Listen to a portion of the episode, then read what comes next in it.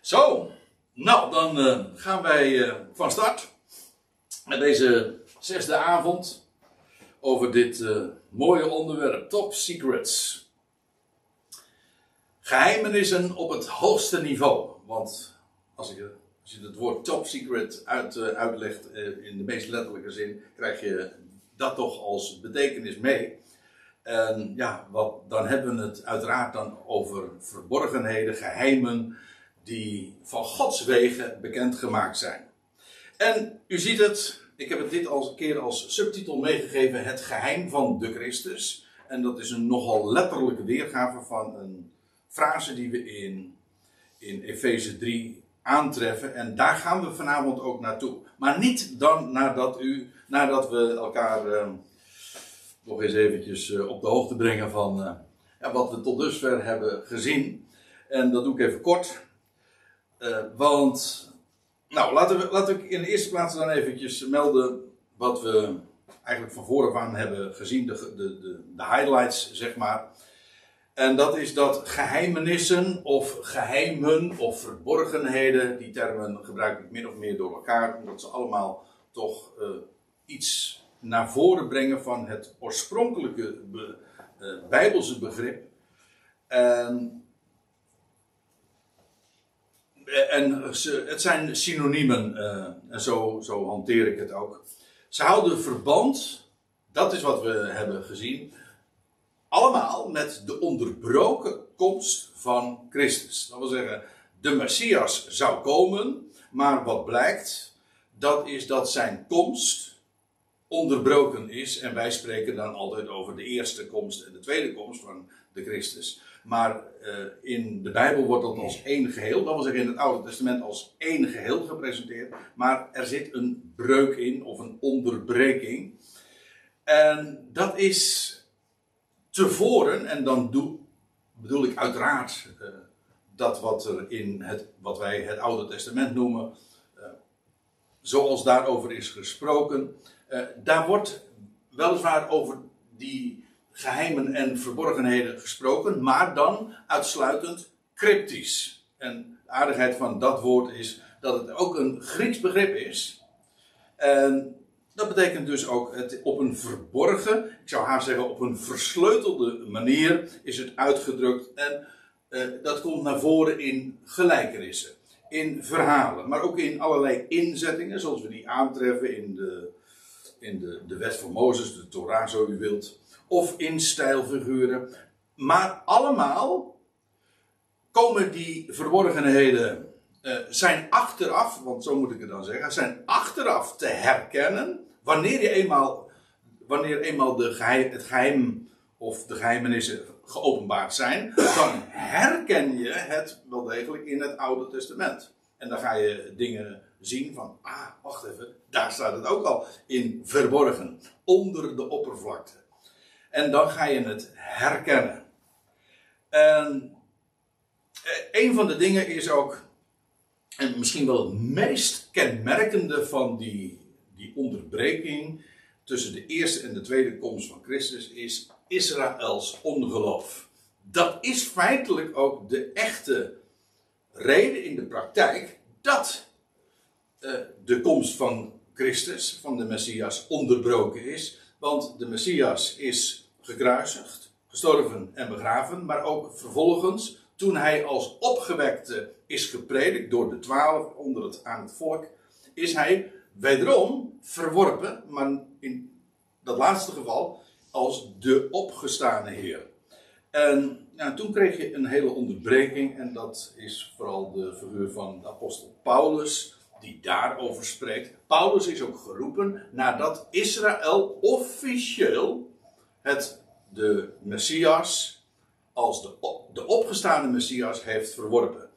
Het is heel op, uh, opvallend dat, dat je leest in Handelingen 7, als het Sanhedrin, de representanten van het Joodse volk, Stefanus, uh, als, met het getuigenis van, van wie, wie Israëls Messias is, dat Stefanus uh, gestenigd wordt. En dan vind je al min of meer achter de coulissen de, de, figuur van Saulus, van Tarsus, die dan de mantels bewaart. Nou ja, daar zit ook heel veel typologie in besloten. Maar het gaat er maar even om. Uh, Saulus komt in de picture op het moment dat Israël officieel als volk, het Joodse volk, afstand doet van ook het getuigenis van de opgestane Christus en het evangelie. En ja, dan wordt Saulus geroepen buiten het land. En dat wordt de aanleiding dat hij als Paulus ook daadwerkelijk zijn werk onder de natieën gaat aanvangen. Een verborgen werk. En ja, het is deze figuur via Paulus, ik kom er straks uh, zeker nog wel op terug, is, uh, is degene die het geheim bekend maakt. Hij benadrukt dat ook iedere keer, ook dat zullen we vanavond zien. Hij is degene die het geheim bekend maakt in wat hij ook noemt mijn evangelie. We hebben dat toen een keer, een hele avond hebben we gewijd aan het slot van Romeinen 16, waar Paulus dat ook zo benoemt. Dat wat aan hem bekendgemaakt is, en dan zegt hij volgens mijn evangelie. En de laatste avond, dat is dus een eh, maand geleden inmiddels, toen hebben we ons bezig gehouden met Efeze 1. En in feite is dat een soort opstapje ook voor wat we uh, vanavond gaan bespreken. Want vanavond gaan we naar Efeze 3. Maar in Efeze 1 vind je eigenlijk al dat Paulus, als ik het zo mag zeggen, een aanloop maakt naar, uh, naar dat geheim. Want hij, hij laat dan zien in Efeze 1, dat is wat we toen dus hebben besproken, dat God een, een plan heeft. Hè? Uh, daar, je, leest over, over Gods Het is Gods wil dat hij he, hemel en aarde, he, het al, de schepping, gaat samenbrengen onder één hoofd, de Christus. Maar hij noemt het het geheim van Gods wil. En dat is, en dat staat er dan ook bij, dat zij die vandaag uitgeroepen worden, de Ecclesia, het lichaam van Christus, deel uitmaakt van de Christus.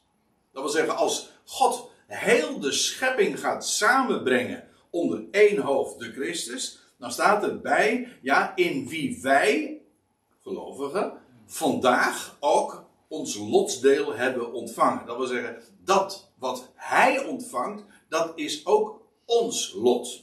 En vandaar ook dat Paulus eh, met name ook degene is, ik zeg met name exclusief degene, die eh, ook het beeld altijd gebruikt van Christus als het hoofd van het lichaam, de Ecclesia, de gemeente.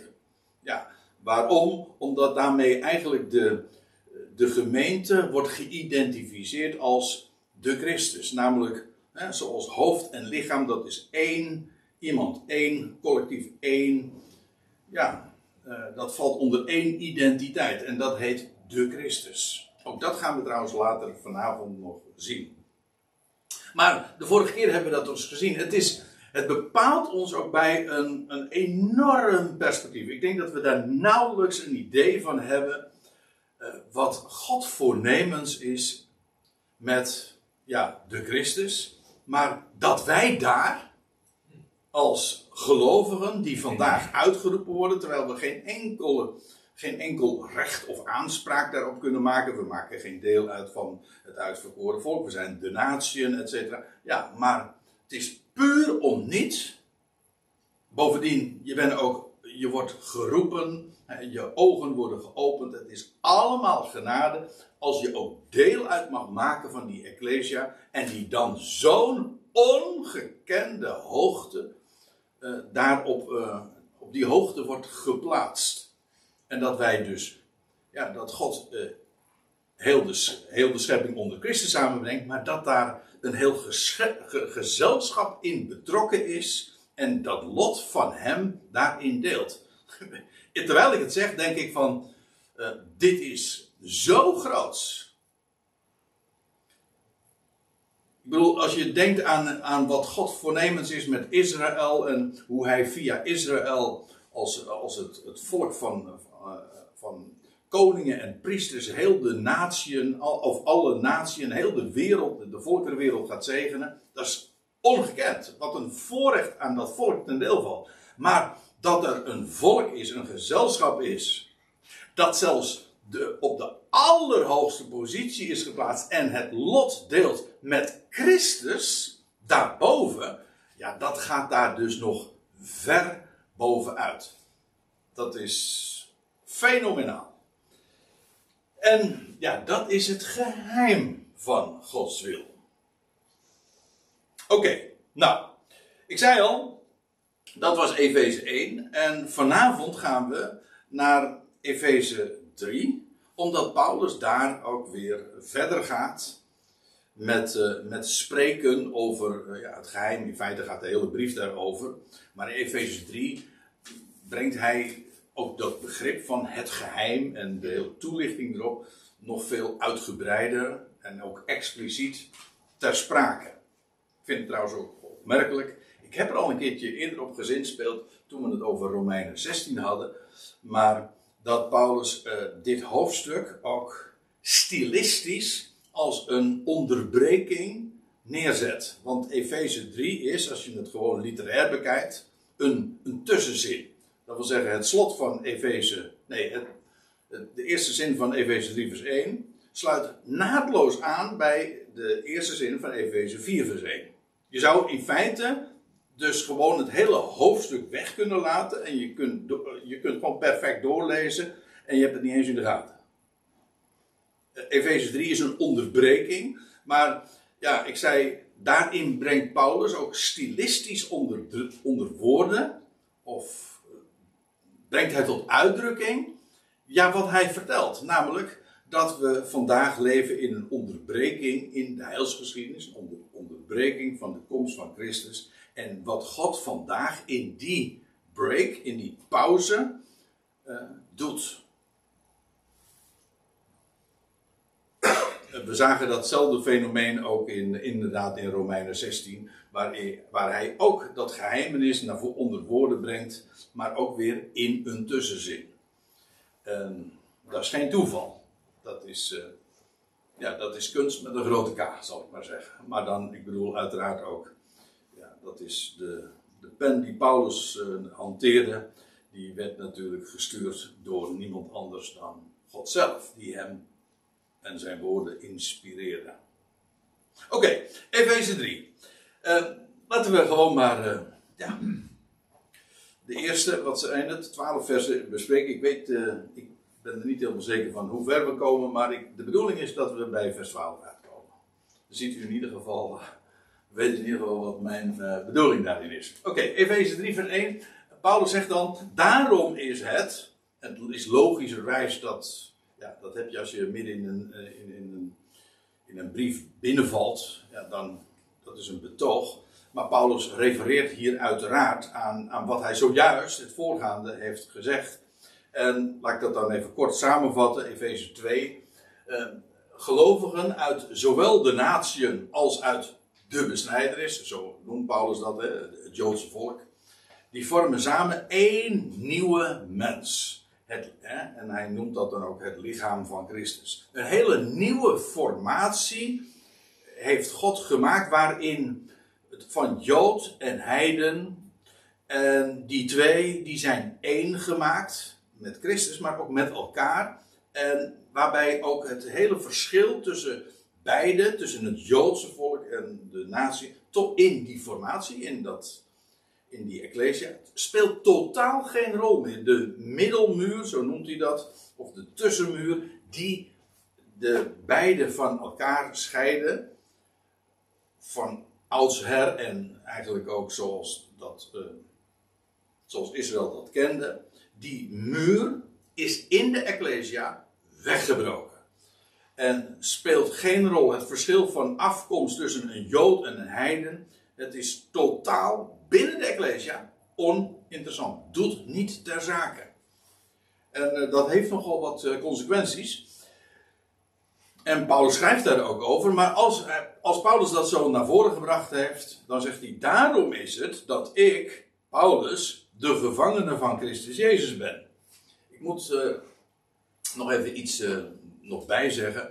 Inmiddels zijn jullie, de meeste van jullie denk ik, ermee vertrouwd dat ik de, de laatste jaar ongeveer de gewoonte heb om gewoon de MBG-tekst weer te geven. En ik noem dat dan MBG Plus, omdat ik, als ik afwijk van de MBG-tekst, dan, maak ik dat, dan geef ik dat aan door het, eh, de tekst te cursiveren. Dus schuin gedrukt weer te geven. En soms is, doe ik dat af en toe, als dat echt nodig is.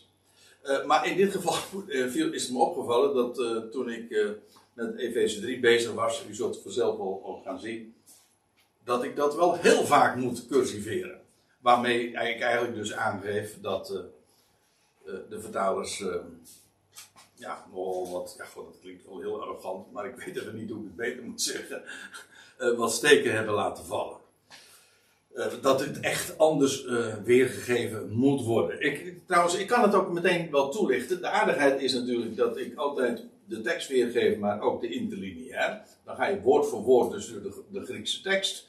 Waarbij je vooral dan moet letten, uiteraard op de Griekse letters, maar als dat een beetje lastig is, dan moet je vooral letten op die, dat die, die middelste regel, namelijk de groene tekst. Omdat dat de meest ja, letterlijke, concordante weergave is. En die onderste weergave, die onderste regel, die grijze, die grijze tekst, dat is de wijze zoals de NBG dat dan weergeeft. Dan zie je soms ook dat, dat er hele woorden bij gedaan zijn. Of, maar in dit geval, dan zie je dat um, in de NBG-vertaling, dan wordt er gezegd dat ik, Paulus, in gevangenschap ben ter wille van Christus Jezus. Zo wordt de, geeft de NBG dat weer. Maar dat, zo staat het er niet. Er staat niet, ik ben, een, ik ben een gevangene ter wille van Christus Jezus. Er staat, ik, Paulus, de gevangene, kijk maar, ik, Paulus, de gevangene van de Christus. Je, namelijk Jezus. Dat is een beetje omstreden, maar in ieder geval, eh, dat zo, zo staat het er. Niet een gevangene ter wille van Christus Jezus, uh, maar een gevangene van Christus Jezus zelf. En de nadruk ligt hier uiteraard vooral op het feit dat Paulus zegt van dat ik Paulus. Weet, die naam die hij kreeg, die hij voor het eerst kreeg toen hij zich wendde tot de natie. Het is een bekend verhaal. Het wordt heel vaak verteld hè, dat Paulus, de naamswijziging tussen Saulus en Paulus. Als Saulus een Paulus wordt, dat dat te maken heeft met zijn roeping of dat met zijn bekering, zo u wilt. Maar dat is niet waar. Het is niet zo dat Paulus, of toen Paulus geroepen werd op de weg naar Damascus, dat hij vanaf toen Paulus ging heten. Dat is beslist niet waar. Hij, werd, hij, hij bleef Saulus. Hij werd pas Saulus, anders gezegd Paulus, handelingen 13 vers 9, op het moment dat hij zich wendde tot een man, die heette Sergius Paulus. Ja, dat was een, een, een Romeinse proconsul, een, een, een, hoge piet zal ik maar zeggen. En, die, uh, en Paulus, hij, ja, Saulus, zo u wilt, die uh, richtte het woord van God tot hem. En toen was daar een Joodse tovenaar, Elimas, Bar Jezus heette die ook uh, in de andere weergave. En die, die probeerde dat te verhinderen. Heel, heel typologisch, heel symbolisch feitelijk. Dus het woord zou naar de natieën gaan, maar het was het Joodse volk die dat probeerde te verhinderen. En dan lees je dat Saulus heel verbolgen is. En dan zegt hij van. Um, je zult een tijd lang blind zijn. En ter, op, ter plekke wordt die, die barrières, die Elimas, dan blind. Voor een tijd. Nou, dit is een prachtige illustratie. Maar het geeft aan, vanaf dat moment, staat er heel uitdrukkelijk bij, vanaf dat moment werd Saulus, anders gezegd Paulus, en vanaf dat moment is het ook alleen nog maar Paulus. Daarvoor was het uitsluitend Saulus, en vanaf het moment dat hij bij die Paulus is, gaat hij ook zelf Paulus heten. Waarbij ik het dan ook nog wel heel erg mooi vind dat de naam Paulus, als je het op zijn Grieks opvat, als een Grieks, afgeleid van een Grieks werkwoord, dan betekent het stoppen, oftewel een pauze, ons woord pauze. En dat is ook weer een onderbreking, toch? Dus ja, dus eh, de dingen komen zo bij elkaar. Ik, Paulus, die in deze onderbreking, Efeze 3, nu vertel dat ik een gevangene ben van Christus Jezus. Ja, je kunt zeggen van hij is een gevangene van de natieën. Maar Paulus zegt, ik ben een gevangene en ik behoor hem toe. En zo zegt hij het. De gevangene van Christus Jezus. Voor jullie, namelijk van de natie. Ten behoeve, ten behoeve van jullie, namelijk van de natie. Jullie die tot de natie behoren. En als Paulus dat zo zegt, uh, ja, dan is dat ook een historisch gegeven. Ook gewoon terug te vinden in het boek Handelingen, want ik vind het wel heel fraai. Uh, kijk, Paulus is hier in Rome. En je leest nog dat hij daar arriveert in Handelingen 28 en dat hij daar twee jaar in gevangenschap is. En in die, ja, in die twee jaar heeft hij deze brieven, deze brieven, uh, Efeze, Colosse, geschreven. Maar uh, hoe was hij daar terechtgekomen? Wel, omdat hij in gevangenschap was. En hoe was hij een gevangene? Wel, omdat hij in Jeruzalem was uh, gekomen. En toen is hij toen ontstond een enorm tumult omdat hij beschuldigd werd van, de, van dat hij de, de natieën, een, een, een, een uh, in het heiligdom, in de tempel binnengebracht zou hebben. Dat was niet waar, maar dat leidde men ook af uit Paulus' boodschap al. En nou ja, in ieder geval, hij werd ervan beschuldigd. En dan is het ook zo opmerkelijk dat, hij, dat Paulus dan beschermd moet worden door de Romeinen. Paulus zelf eh, is, zegt ook, ja, ik ben een Romein. En, en, hij wordt ook beschermd door de Romeinen. En het zijn de Joden die hem eigenlijk ook, uh, ja, die hem willen lynchen zelfs. En ervoor zorgen dat hij uh, gevangen wordt. Eerst in Jeruzalem, later in Caesarea en nog weer later. Nou ja, wordt hij naar Rome gebracht. Allemaal, ja, hij is een gevangene van Christus Jezus, dat zegt hij, maar voor jullie, of ten behoeve van jullie, namelijk de natie. Nou, dat is absoluut waar. Want was, hij was daar omdat het Joodse volk hem beschuldigde dat hij de natie, de, een heiden, in de tempel gebracht zou hebben. En ja, in geest klopt dat ook. Dat wil zeggen dat de, ja, dat de gelovigen nu in geest toegang hebben tot de Vader. Maar dat was het slot van Efeze 2. Dat wij beiden, Jood en Heiden, toegang hebben tot de Vader in één geest. Oké, Paulus zegt dat zo dus, uh, ik ben een gevangene van Christus Jezus, voor, voor jullie, van de natie. En dan, en dan voegt hij er naartoe, gij hebt immers gehoord van het beheer van Gods genade. En ook dat moet ik even toelichten. Want hier staat een, een, uiteraard een Grieks woord. Paulus schreef dit in het Grieks. Een woord wat we eigenlijk allemaal wel kennen. Oikonomia. En daar is ons woordje economie van afgeleid. Maar economie betekent eigenlijk letterlijk oikos is een huis en nomia heeft te maken met een regel of een wet, een, een huishouding.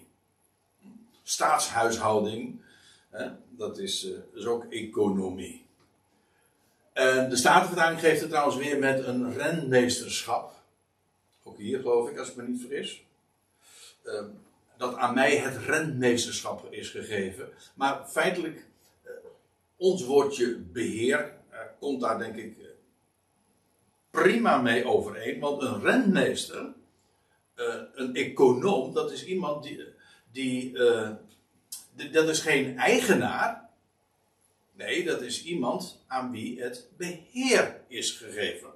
Je leest dat ook later in de Evangelie over, een eigenaar en die geeft dat, zijn bezittingen in beheer van iemand. En, dan, en dat is dan de beheerder. Nou, Paulus zegt eh, dat eh, jullie hebben gehoord van het beheer van Gods genade. Hij zegt ook dat het aan hem is toevertrouwd. Hij is de beheerder. En hij zegt ook, uh, aan mij is het gege gegeven met het oog op jullie, namelijk de natie. En hier dringt zich meteen ook iets op, aan ons op wat. Dat is een heel opmerkelijk parallel. Kijk, je leest dat aan Mozes, of beter via Mozes, ooit de wet aan Israël werd gegeven. Het was niet de wet van Mozes. Ik bedoel, hij was niet de bezitter, ook niet de bron daarvan. Nee, hij was uh, degene via wie het aan Israël werd gegeven. Hij was wel de beheerder ervan. De, de, de stenen tafelen, maar in feite alles van de Torah werd, kwam via Mozes bij Israël terecht. Hij heeft het ook op, op schrift gesteld, et cetera. Aan hem was dat beheer gegeven. Nou, zo wat Mozes was met betrekking tot Israël en de wet, dat is Paulus met betrekking tot de genade en de natieën. Aan Paulus, zo zegt hij het ook, als het gaat om uh, de natieën voor jullie, hij richt zich tot de natieën. En er is ook een groot verschil met bijvoorbeeld de twaalf. De twaalf richten zich tot Israël, eventueel in het land of daarbuiten. Maar een Jacobus en een Petrus en Johannes, je leest heel uitdrukkelijk dat zij zich zouden richten tot de besnijdenis. officieel ook afgesproken. Maar Paulus, ja, hij was de apostel van de natieën. En aan hem is het beheer van de genade gegeven. Zo noemt hij het, hè? De bedeling van Gods genade. Dat is trouwens nog een ander woord, dat ben ik nog vergeten te zeggen. Want uh, ik noem het hier het beheer. Statenvertaling noemt het rentmeesterschap. Uh, de NBG-vertaling noemt het uh, bedeling. maar ja, het, het, nadeel van dat soort woorden is dat ze ook nog eens een keertje, zeker als je het hebt over een bedeling, waar ik op zich niks, waar ik persoonlijk geen, geen, moeite mee heb, maar het kan ook iets heel anders, ja, iets wat wordt toebedeeld. Het kan zelfs nog bedelen betekenen. Bedelen of bedelen. Uh, maar dan krijg je helemaal een andere gedachte. Nee, het is, uh, wat, het is een beheer. En wat beheert hij? Wel, de genade Gods. Uh, alles wat je kunt vertellen over, over de genade van God in onze dagen, zoals dat uitgebazuind wordt en, en zoals dat onder de natieën bekendgemaakt wordt, dat is bij Paulus terechtgekomen. En hij zegt: Ik ben, aan mij is dat beheer gegeven, oftewel, ik ben de beheerder daarvan. Het is aan mij gegeven met het oog op jullie. Dus wat Mozes was voor Israël als het gaat om de wet, dat is voor de natieën en met betrekking tot de genade, de hele boodschap van Gods genade, dat is Paulus. Dus als je wil weten van ja, hoe, hoe zit dat nu in onze dagen en, en hoe zit dat met Gods genade en, en hoe een, een Israëliet ging in destijds naar, naar Mozes toe of die wendde zich tot Mozes of tot de boeken van Mozes. Wij, tot de natieën, wij, wij wenden ons dan tot ja, onze leermeester, de apostel en leermeester van de natie. Bij hem moet je wezen. En via hem kom je ook bij de rest van de schrift uit, absoluut. Maar bij hem, Paulus, moet je wezen. Dus het is maar geen hobby om, om het vaak over Paulus te hebben. Zo van, ja, hij is nogal Paulus georiënteerd en een ander is eh, erg van, op, op, op Petrus georiënteerd. Nee, het is van Gods wegen ook zo bedoeld. Niet omdat Paulus zo'n bijzonder figuur was van zichzelf, maar omdat God hem in die positie heeft geplaatst en aan hem dingen bekend heeft gemaakt en ook toevertrouwd, een beheer heeft gegeven, ja, die hij niet aan anderen heeft gegeven. Dus ja, eh, je kunt alleen maar de schrift verstaan in onze dagen eh, via, ja, mensen zeggen wel eens, de Bijbel is maar een moeilijk boek. Ja, maar dan moet je, daar heb je dus een leermeester voor nodig. En wie is die leermeester? Nou, Paulus. Dus ja, als je wil weten hoe je de schriften moet, daarmee moet omgaan, nou, wend je tot de leermeester die aan ons van Gods wegen is gegeven. Als, ik denk dat als mensen hebben het dan, dat is een theologisch vak, hè? hermeneutiek. Dat, is, dat, ja, dat houdt zich bezig met de regels voor Bijbeluitleg. Nou, ik zou zeggen, he, uh, hermeneutische regel nummer 1 is. Als je de schrift wil, wil verstaan, dan moet je bij Paulus wezen. Hij is de leermeester, aan hem is dat beheer gegeven. Met het oog op de natie vandaag. En dan zegt hij, want we lezen verder, dat door openbaring aan mij het geheimenis, of het geheim, of de verborgenheid bekendgemaakt is. Ja, uh, dat is. Uh, hij zegt: Het is door openbaring aan mij bekendgemaakt. Kijk, ik zei al, Paulus, uh, de figuur zelf, komt voor het eerst aan de orde na de steniging van Stefanus, of bij de steniging van Stefanus, handelingen 7. Dat is het moment dat Israël officieel afstand neemt van het evangelie, namelijk van de opgestaande Messias. En vervolgens lees je in Handelingen 9 dat Saulus van Tarsus geroepen wordt buiten het land. Ook al heel opmerkelijk natuurlijk. En dan lees je dat hij, eh, dan staat er ook in gelaten 1, uh, ik ben toen niet te raden gegaan bij vlees en bloed, maar ik ben naar Arabië gegaan. Pas drie jaar later is hij uh, is, uh, teruggegaan naar en naar Damascus en vervolgens naar Jeruzalem. Maar hij is, de, Heer, de Heer had ook gezegd toen hij geroepen werd, hij zegt, ik, zal aan, ik ben aan je verschenen, maar ik zal ook nog aan je verschijnen. Dus word vervolgd. Je bent nu geroepen, maar ik ga je ook nog onderwijzen. En Paulus is meteen naar Arabië gegaan. Ja, waarom? Nou, gewoon om, uh, om het evangelie te vernemen. Op het hoogste, ook daar weer geldt, van, op het hoogste niveau, namelijk Christus Jezus heeft hem onderwezen. Dat, zo zegt hij dat ook in vers 12 van, eh, van Galaten 1. Hij zegt, uh, het evangelie dat ik verkondig is niet naar de mens. Hij zegt, ik heb het ook niet van een mens ontvangen of geleerd, maar door openbaring van Jezus Christus. Dus hij zegt, ik heb het, tussen de regels door zegt hij feitelijk, ik, heb, ik ben niet naar Jeruzalem gegaan, ik ben niet onderwezen door Petrus, ook niet door Jacobus of door de twaalf. Allemaal mensen, mannen, die van Gods wegen en door Christus zelf waren uitgekozen, jawel. Maar Paulus zegt, dat wat ik doe en wat ik verkondig, en zoals ik geroepen ben, dat, is er, dat is, staat daar los van.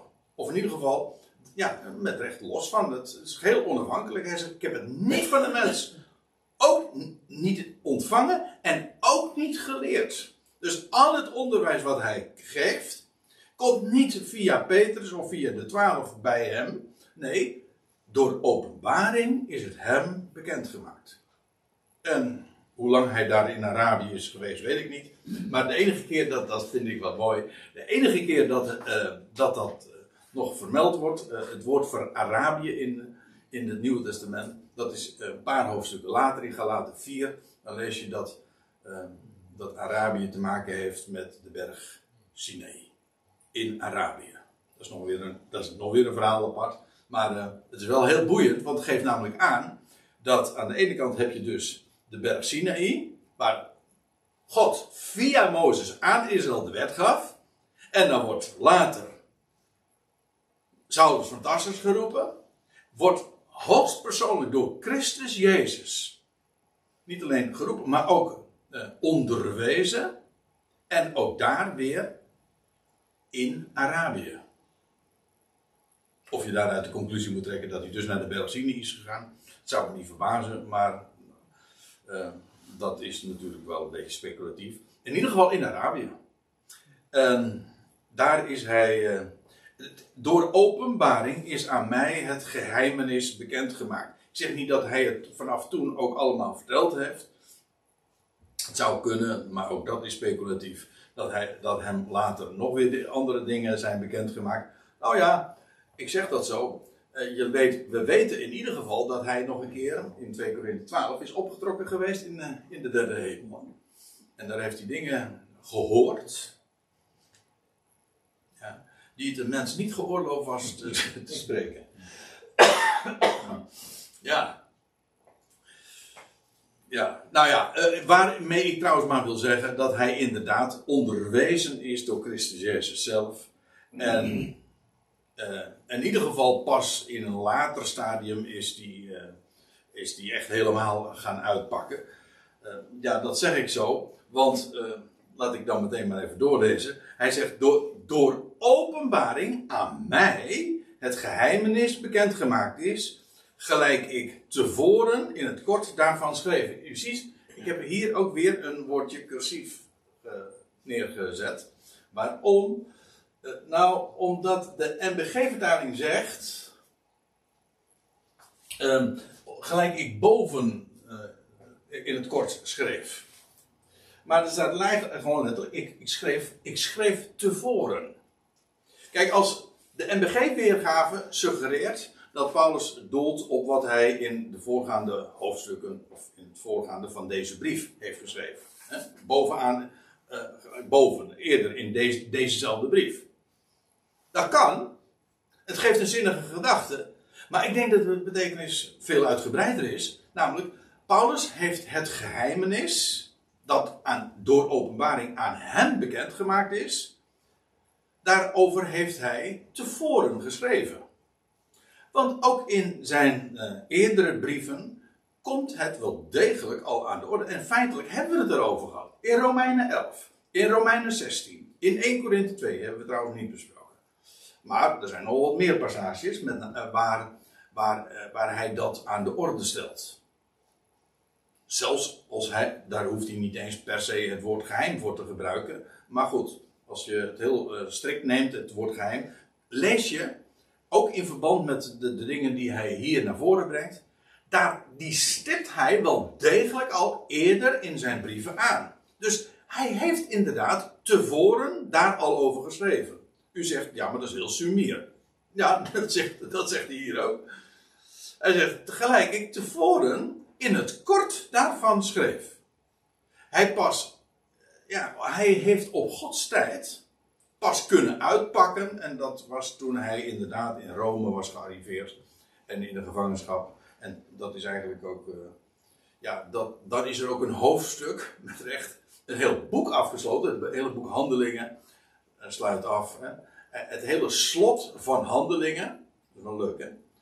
Het is het slot van handelingen en dan gaat de deur ook op slot. Dan kan, dan kan Israël ook zich niet meer bekeren staat er ook aan het slot van handelingen zo. En God heeft, uh, heeft hun ogen gesloten zodat, zodat ze zich niet meer gaan zullen bekeren. Voorlopig. En vanaf dat moment, ja, dan is voor Paulus de weg vrij om uitgebreid, vanuit de gevangenschap, uh, vanuit de gevangenis, over deze dingen, uitgebreid te schrijven, te schrijven waar hij tevoren alleen maar uh, dat sumier deed en kort aanstipte. En dan zegt hij daarna, eh, na dat geheimenis, dat door openbaring aan mij bekendgemaakt is en alleen maar eh, is aangestipt eerder. Daarna kunt gij, kunnen jullie bij het lezen, eh, jullie een begrip vormen van mijn inzicht.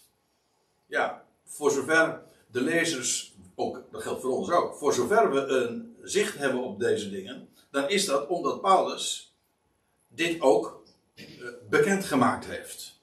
Godzijdank niet alleen mondeling, maar ook uh, dit opgetekend heeft, geboekstaafd heeft, zodat wij nu, anno 2024, daar kennis van kunnen nemen.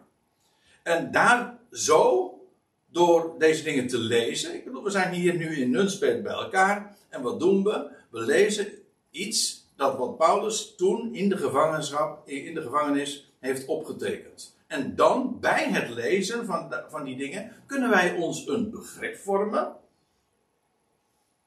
Uiteraard alleen maar ook als God je ogen daarvoor opent. Dan kun je een begrip vormen van dat wat Paulus begreep en in zich had. Namelijk in het geheimenis of het geheim van de Christus. En nu zijn we dan toch aangekomen bij de titel, of de subtitel van deze avond, namelijk Het geheim van de Christus. En het enige wat hier een beetje afwijkt is dat uh, hier een lidwoord voor Christus staat. Dat klinkt een beetje vreemd misschien. We zijn dat niet zo gewend om over, uh, tenminste in, dit, in deze zin, te spreken over het geheimenis van de Christus. Maar het is niet voor niks. In dit geval, want we, we hebben de neiging om Christus te zien als een, als een eigen naam. Trouwens, wat sowieso al niet juist is, want Christus is geen naam, maar is een titel. En ja, namelijk de titel die gegeven is aan Jezus. God heeft Jezus, die het volk eh, Israël gekruisigd heeft, heeft hem tot Heer en tot Christus gemaakt. Maar het geheim van de Christus is, en dat is waar Paulus inzicht in had gekregen door openbaring, is dat de Christus zijn positie deelt met een gezelschap. Met, zo u wilt, een volk. Een uitroepsel. En als ik het zo zeg, dan zeg ik daarmee dus wat de Ecclesia is. Letterlijk. Ecclesia betekent een uitroepsel. Een volk dat wordt uitgeroepen, dat ook voorbestemd is. En dat uitroepsel, dat wordt door Paulus en alleen door hem genoemd het lichaam van Christus. En daarmee, dat is maar niet zomaar een metafoor, maar dat is de essentie van wat de Ecclesia is. Namelijk wezenlijk verbonden met Hem die het hoofd is. Hij is daarboven en wij worden gerekend als eenheid met Hem te zijn. En dat wat God aan Christus Jezus heeft gegeven, dat is, wordt gedeeld door zijn lichaam. De Ecclesia. De gemeente, zo u wilt. En dat dat zo is, dat blijkt ook wel uit het vervolg. Dat dat wisten we al uit het voorgaande, maar we zullen daarin alleen maar bevestigd worden. Maar uh, wij gaan verder. Trekken ons. Uh, ik ga er me er steeds minder van aantrekken. Ik, ik word steeds minder zenuwachtig als, de, als, die, uh, als dat lampje een, een, een, een, een kleurtje geeft wat, wat niet helemaal deugt. Je leert, ik leer het wel hoor, ja, ja. Maar goed. Uh, dat wat, uh, wat, over dat geheim van de Christus. Hij zegt, uh, hij zegt daar nog iets over. Voordat hij gaat vertellen wat dat geheim is, dan geeft hij eerst nog iets anders door. Hij zegt, het karakteristiek voor dat geheim is dat het ten tijde van vroegere generaties of geslachten niet bekend geworden is aan de zonen der mensen, zo staat het letterlijk. Eh, de, de erfgenamen van de mensen of gewoon de mensheid. En ja, dat wil zeggen, in uh, voorgaande generatie had men hier geen, uh, hiervan geen benul. Men wist het niet. Het was namelijk niet bekendgemaakt. En ook de andere apostelen, ja, wat hoopten die? Nou, die hoopten, en die had, nou, in, ik bedoel niet in de zin van dat het onzeker is, maar ja, die hadden, die, die hadden weet van de profetieën. En die, je leest het ook in het boek Handelingen. Is, uh, ze predikten de opgestane Messias. Israël zou tot geloof komen in haar Messias. En wanneer Israël daadwerkelijk tot geloof zou komen, tot erkenning van hem, dan zou de Christus, Jezus Christus, uit de hemel terugkomen. En dan zou hij zijn koninkrijk op aarde vestigen vanuit Jeruzalem. Dat, hij gelijk de profeten uh, allemaal, stuk voor stuk, uh, tevoren hebben voorzegd. Heel, heel de heel de Bijbelse profetie gaat daarover. Dat is waar de, de apostelen ook hun verwachting over uitspraken en dat is wat ze predikten. Maar dat was dus in vroegere geslachten bepaald wel bekendgemaakt. Maar wat Paulus nu vertelt, hij zegt dat is in vroegere geslachten niet bekendgemaakt. Ja, dat komt omdat Paul, aan Paulus een geheim is bekendgemaakt. En een geheim betekent toch echt, uh, ja, het woord betekent, het, is, het was voorheen niet bekend, of het is in ieder geval slechts bekend aan degene aan wie het verteld of geopenbaard is, onthuld is. Nou, Paulus zegt, het is aan mij onthuld. En in vroegere geslachten was dit niet bekend. En, uh, en ook aan de apostelen en of aan zijn collega-apostelen was dit ook niet bekend. Maar er staat toch dat het uh, door de geest nu wel aan hem geopenbaard is? Of is dat... we, gaan, we gaan verder, we gaan verder. We gaan verder. Ja, je wilt te snel. Soms ben ik snel. Soms. Ja, ik niet altijd, hè. Ik... Ja. Dat in tijden van vroegere geslachten niet bekend is geworden aan de zonen mensen, zoals het nu geopenbaard is aan de heiligen zijn apostelen en profeten. Ja, nou moet, ja, dat is waar je bedoelt natuurlijk. Ja. Je zegt van, ja, je moet, je moet niet een half vers citeren, dat klopt. Maar die andere helft, eh, het is de tweede helft, dus ik, ik citeer hem ook als, als tweede. Zoals het nu geopenbaard is aan de heiligen, zijn apostelen en profeten. Eh, nou ga ik even iets, eh, even iets technisch zeggen, en dat is dat, kijk, interpunctie, dat wil zeggen, dat heeft te maken met de, de leestekens. Hè? Met punten en komma's of eh, aanhalingstekens. Dat is allemaal interpunctie. Waar zet je een punt in de zin? Nou, er zijn gewoon, eh, er zijn hier twee lezingen van mogelijk. Gewoon puur vanuit het Grieks. En dat is dat hier, en je zult dat ook in, in vertalingen terugvinden. Dat hier staat, eh, zoals het nu geopenbaard is aan de heilige apostelen en profeten, waarbij heilige in dit geval een bijvoeglijk naamwoord is en een aanduiding van apostelen. Dus die apostelen zijn heiligen. Het zijn heilige apostelen en profeten. Of het is aan de, zo geeft de NBG-vertaling het ook weer, en ik denk trouwens terecht, aan de heiligen, apostelen en, en profeten. En u ziet het, ik geef het verdient voorkeur, omdat, waarom? Omdat er een parallelvers is van Efeze 3 vers 5. En daar lees je in Colossense 1 vers 26 van, eh, ik lees het even letterlijk voor. Het geheimenis dat aionen en geslachten lang verborgen is geweest, maar thans geopenbaard aan zijn heiligen. Punt. Oh, de heiligen. En beide lezingen zijn in dit geval dus mogelijk. Dan krijg je dus heiligen als meervoud of heiligen als bijvoeglijk naamwoord. Bent u nog allemaal? Maar dat is het idee dus. Dat is het verschil. Het kan beide vanuit het Grieks. Maar eh, in dit geval, het is, Paulus zegt, het is eh, dat geheim dat er is in vroegere geslachten niet bekend gemaakt. Het is al die tijd verborgen geweest, maar het is thans geopenbaard aan, zijn, aan de heiligen of aan zijn heiligen, inclusief de apostelen en profeten. En hoe, de, hoe is het geopenbaard aan de heiligen? Nou, via degene aan wie het geheim is onthuld, namelijk Paulus. En zo hebben ook niet de heiligen in het algemeen, maar de apostelen en profeten, ook zij die een profetische bediening hadden in eh, die dagen.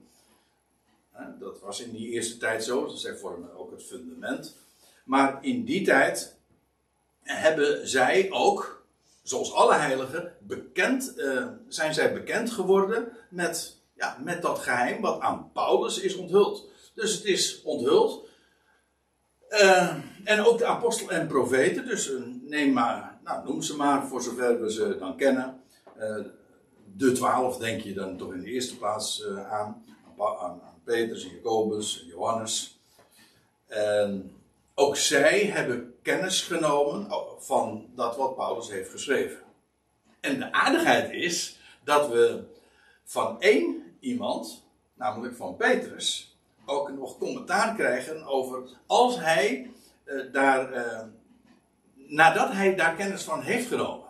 In 2 Petrus 3, dan lees je ook dat als hij het heeft over dat uitblijven van de terugkeer van de Heer, dan zegt hij van ja, als je nou echt wil weten hoe dat zit, hè, over het geduld van de Heer, dat hij maar niet terugkeert, hij zegt dan moet je wezen bij onze geliefde broeder Paulus. Gelijk hij in al zijn brieven, hij was daar dus, dat is misschien al een collectie, eh, ging, deed daar de ronde eh, van Paulus' brieven, dat, dat is wat het suggereert. Eh, maar gelijk Paulus in al zijn brieven over deze dingen, juist, heb je het weer. Paulus heeft in al zijn brieven gesproken over, over dat uitblijven van de Heer. Over wat de Heer doet tussen zijn eerste en tweede komst. In die break, in die onderbreking. Ehm, ja, en Paulus zegt, en dan zegt Petrus erbij. Een en ander is zwaar om te verstaan. Dus Petrus heeft daar buitengewoon veel moeite mee gehad. Want die heeft helemaal moeten omdenken. Vergis je niet, hè? Petrus heeft de verwachting gehad dat in zijn dagen, trouwens niet alleen Petrus, maar al de apostelen. Ook dat lees je in Johannes 21. Dat in hun dagen eh, de Heer zou terugkeren en dat het volk en dat het koninkrijk hersteld zou worden. Dat was hun boodschap ook. Dat was het evangelie van de besnijdenis. Dat was wat Israël op grond van de profetie, op grond van wat in vroegere geslachten bekendgemaakt was, verwacht werd. Op voorwaarde van Israëls geloof. Maar nou, Israël kwam niet, uh, werd niet gelovig. En dan lees je dat inderdaad die dertiende apostel geroepen wordt, et cetera, et cetera. Maar als Paulus dan inderdaad melding gaat maken en gaat schrijven en uitgebreid gaat toelichten hoe dat zit met dat geheim en wat God nu van, uh, waar God momenteel mee bezig is met dat uitroepsel in het lichaam en de ecclesia, et cetera. En die hemelse verwachting die, eh, die dat lichaam heeft, ja, dat is voor Petrus een enorme omslag geweest. Dat kan niet anders, dat zegt hij ook. Hij zegt, het is zwaar om te verstaan. En dat, en dat Petrus zegt dat aan het einde van zijn leven. Dan nog zegt hij nog steeds van, ja, uh, het, is, het is zwaar om te verstaan. Er zijn er ook velen, dat waarschuwt hij ook al de waarschuwing, die het verdraaien. Ja, wat, dan moet je als, je, als je het zwaar vindt om te staan en je wil er niet aan, dan moet je het dus verdraaien. Maar goed, uh, in ieder geval, die apostelen en profeten zijn, uh, aan hen is het ook geopenbaard, inderdaad, via het, uh, het kanaal aan wie het was geopenbaard. En nu, ja, en nu zijn die dingen dus liggen daar. En wij hebben ze in brieven, is het allemaal zo opgetekend. En kunnen daar heerlijk kennis van nemen. En wat is dat geheimenis dan? Nou, daarover schrijft Paulus. Dat, dan komt het echt concreet gaat hij het uitleggen. Dit geheimenis, namelijk. Feitelijk staat dat er. Eh, dat is voor de. In de Nederlandse vertaling is het nodig om dat er even bij te zetten. Maar het staat er met recht tussen vierkante haken. Dat wil zeggen, het is alleen voor, de, voor, voor het begrijpend lezen even nodig om die zinnen, om die woorden erbij te zetten. Maar het, het idee is, hij gaat nu zeggen, dit geheimenis, namelijk dat de natieën, en dan gaat hij drie dingen erover vertellen. Maar dat gaan we eerst. We gaan eerst even een, even een break. Ja? Even onderbreken. Cliffhanger. Dus dit is cliffhanger. Dat is wat Paulus nu gaat vertellen. Wat, de, uh, wat aan de natie is toebedeeld. Oké, laten we eerst even gaan pauzeren.